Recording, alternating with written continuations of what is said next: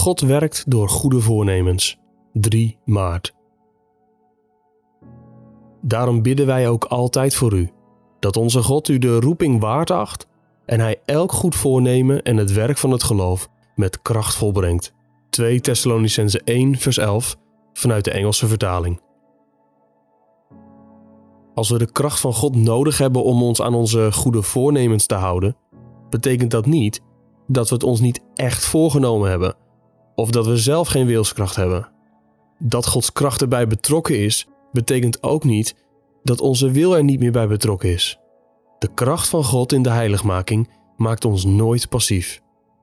De kracht van God komt onder of achter en in onze wil, niet in plaats van onze wil. Het bewijs van Gods kracht in ons leven is niet dat wij niets meer willen, maar dat wij een krachtige wil hebben gekregen. Iedereen die zegt: Nou, ik geloof in de soevereiniteit van God en daarom ga ik lekker achteroverleunen en niets doen, gelooft niet echt in de soevereiniteit van God. Want waarom zou iemand die in de soevereiniteit van God gelooft, hem zo schaamteloos ongehoorzaam zijn? Als je achteroverleunt en niets doet, doe je niet niets. Je wil is actief betrokken bij de beslissing om achterover te leunen.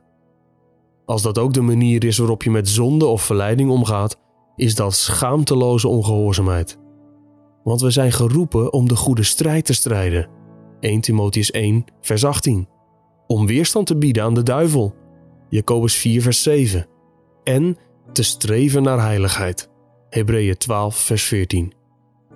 Onze dagtekst zegt dat het door de kracht van God is dat we elk goed voornemen en ons werk van geloof kunnen volbrengen. Maar dat doet de betekenis van de woorden voornemen en werk niet te niet. Onderdeel van het wandelen dat Gods roeping waardig is, is een actieve betrokkenheid van onze wil bij het beslissen om gerechtigheid te doen. Als er een zonde in je leven is die telkens terugkomt, of je blijft een aantal goede werken nalaten, gewoon omdat je maar zit te wachten tot je zalig wordt zonder te hoeven strijden, dan hoopt de ongehoorzaamheid zich op. God zal nooit op een andere manier krachtig zichtbaar worden in je wil dan door een goed voornemen waar je je ook aan houdt. Mensen die geloven in de soevereiniteit van God moeten dus niet bang zijn om hun wil te betrekken bij de strijd voor heiligheid. Strijd om binnen te gaan door de nauwe poort, want velen, zeg ik u, zullen proberen binnen te gaan en het niet kunnen. Lucas 13, vers 24. Je luistert naar Onwankelbare Vreugde, een dagboek van John Piper door Geloofsterusting en Desiring God. Wil je meer luisteren, lezen of bekijken? Ga dan naar de website geloofsterusting.nl.